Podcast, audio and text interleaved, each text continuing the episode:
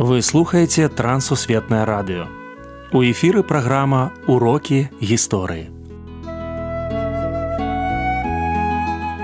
Запрашаем у падарожжа падзей, асоб і фактаў. Вучыцеся разам з намі.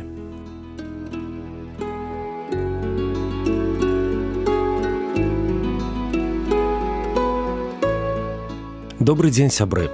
Перад мікрафонам сяржук брышцель і кандыдат гістарычных навук Андрусь унучак. Наш сённяшні госць мітрафан доўнар запольскі. Прывітанне Андрусь. Прывітанне сяржук, прывітанне шаноўныя слухачы.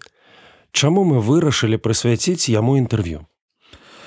Донар запольскі это славуты беларускі гісторык. Ён гісторык энцыклапедыст. Ён займаўся гісторыяй уласна займаўся эканамічнай гісторыяй палітычнай гісторыяй этнаграфій ён займаўся крыніцазнаўствам архівазнаўствам.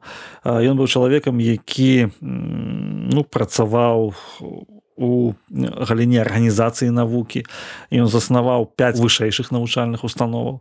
І ён стварыў першую акадэмічную гісторыю беларусі. Ну таму і прысвячаем. Паходжанне і шляху навуку нашага гістарычнага госця мітрафан донар запольскі нарадзіўся ў 1867 годзе у рэчыцы. Гэта была шляхецкая сям'я але вельмі збяднелая.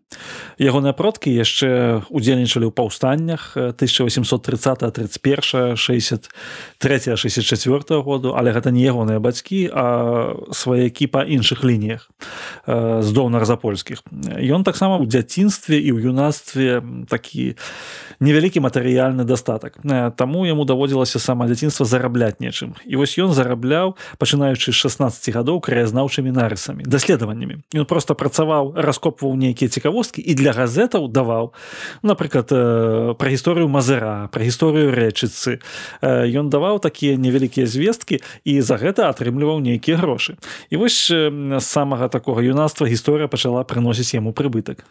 Асноўныя навуковыя працы рэч у тым што яго выключылі з гімназіі за захоўванне нелегальнай літаратуры. Ён навучаўся вось у кіеўскай гімназіі два месяцы не давучыўся яго выключаюць. З такой характарысткай не можа паступіць універсітэт.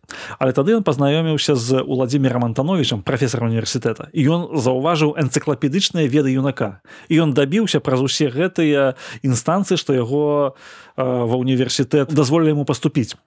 І там же ён піша ад кіраўніцтвам антановича свае першыя працы. Ну напрыклад вось з гісторыяй крывіцкай і дрыгавіцкай зямель з беларускага мінулага. Дзе ён кажа што беларусы ёсць самастойны народ. Ягоная дысертацыя называется гаспадарка вялікае княства літоўскага пры першых егелонах ён эканоміку вяліка княства літоўскага вывучае вельмі дасканала вывучае. Там вялікая такая кніга выйшла. Гэта працы па гісторыі дзекабрыская руху. Дзекабрыскі рух і сувязь яго з беларусю. Гэта гісторыя беларусі яго якую напісаў 1925 годзе. Гэта асновы дзяржаўнасці беларусі якія выйшлі друкам на многіх мовах еўрапейскіх. Гэта ягоныя працы па крыніцазнаўству архівазнаўству этнаграфіі. Ну гэта вялікі збор твораў. Ці проста было быць беларускім гісторыкам? Сапраўды было непросто як я ўжо азначаў самага пачатку для яго вось шляху навуку ляжаў праз перашкоды пазней канешне ён напрыклад працаваў у москве быў прафесарам маскоўскага універсітэту. Ён даследаваў літоўскую метрыку якая знаходзілася ў архіве міністэрства юстыцыі расійскай імперіі ён кажа что вельмі сур'ёзная праблема была ну прызнаць что гэта архіў які мае дачыненне да беларусі. Былі розныя перашкоды. Ён быў чалавекам які у ну пацярпеў можна сказаць за гісторыю беларусі як гэта не дзіўна яго выслалі з бСр сказалі што гэта гісторыя нацдэмаўская што яна занадта моцна падкрэслівае самастойнасць беларусі і незалежнасць ад рассеі і гэтак далей рукапіс не выдалі і выдалі толькі пра 70 гадоў пасля яго напісання свае апошнія гады ён правёў у москве і ніколі ўжо не вярнуўся ў Беларусь і гэта паказвае што беларускім гісторыкам быць няпроста мой адказ няпроста асновы дзяржаўнасці беларусі у поглядах донара запольскага Вось гэта брашура асновы дзяржаўнасці Беларусі была напісана ім на замову ўраду беларускай народнай рэспублікі тагачасны прэм'ер беларускай народнай рэспублікі Антон Луцкевич ён рыхтаваўся да ўдзелу у парыжскай мірнай канферэнцыі дзе хацеў прадставіць на сусветным такім форуме гістарычны шлях беларусі да сваёй дзяржаўнасці. Донар за польскі на той момант ужо гэта было імя. Гэта было імя чалавека які зрабіў з яго ў навуцы. Это быў навуковец ну гісторык нумар адзін. І таму яго попрасілі зрабіць. Першае выданне выйшла ў горадні 1919 годзе. Было адразу перакладзена на французскую нямецкую расейскую ангельскую мовы. І вось з гэтым антон луцкевич паехаў з гэтымі кнігамі ён паехаў парыж ён казаў што пачынаючы ад старажытных княстваў беларускі народ заўсёды імкнуўся да сваёй дзяржаўнасці. І у канцы першай сусветнай вайны гэта дзяржаўнасць проста адрадзілася. Гэта не нешта новае это адраджэнне гістарычнай дзяржаўнасці. І гэта было аснова яго канцэпцыі. Цікавыя факты з біяграфіі мітрафана Вікторовича Ну, некалькі таких э, цікавых фактаў можа быть мы прывядзём. Э, ну э, першы цікавы факт э, гэта тое что э, ён заснаваў э, кіеўскі камерцыйны інстытут. Ён вучыў украінскіх эканамістаў. Э, ну тагачасны яшчэ гэта тысяча ну пачатак два стагоддзя. І адначасова ён працаваў у банку. Ён быў банкаўскім службоўцам і выкладаў у кіеўскім камерцыйным інстытуце і заснаваў беларускую гандлёвую палату. І вось беларуская гандлёвая палата яна фінансавала адукацыю ў самой беларусі вось это вельмі вельмі цікавы момант. Ён быў чалавекам вельмі практычным. Другі цікавы момант што ён стварыў канцэпцыю беларускага універсітэта яшчэ ў 1917 годзе.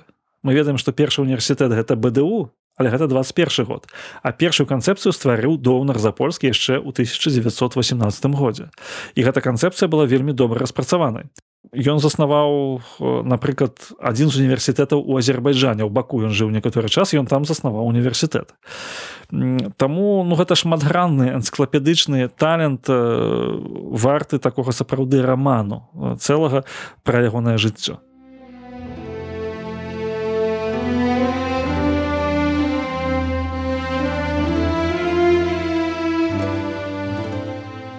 Мітрафан Доўнар Запольскі быў вучоным славістам еўрапейскага маштабу. Ён займаўся навуковай дзейнасцю, педагагічнай працай, служыў у розных дзяржаўных установах. Галоўным творам прафесара стала праца гісторыя Беларусі ад першабытнасці да савецкага ладу. Яна доўгі час ляжала ў закрытым партыйным архіве і была надрукавана толькі ў 1994 годзе. Сёння навуковыя заслугі мітрафана Вікторовича прызнаныя. Сведчаннем з'яўляюцца міжнародныя донараўскія чытання. Яны праводзяцца ў горадзе рэчыцца. Выдатнаму дзеячу ў яго родным горадзе устаноўлены помнік.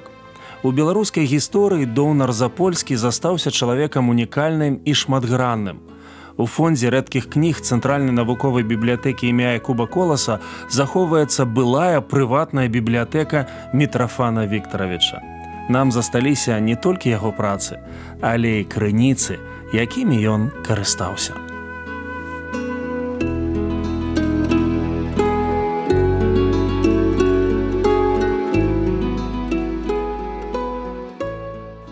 Дзякую, што далучыліся да нашага праекту. Калі ў вас ёсць пытанні, пішыце каля ласка на адрас. Трансусветнае радыё, урокі гісторыі. Паштовая скрынка 45, індекс 22 40 20, горад Брест 20, Беларусь. Пакідаю для сувязі электронную пошту rmtwr.by сабачка gmail.com. Шукайце нас на сайце twr.com кропка FM. До новых сустрэч!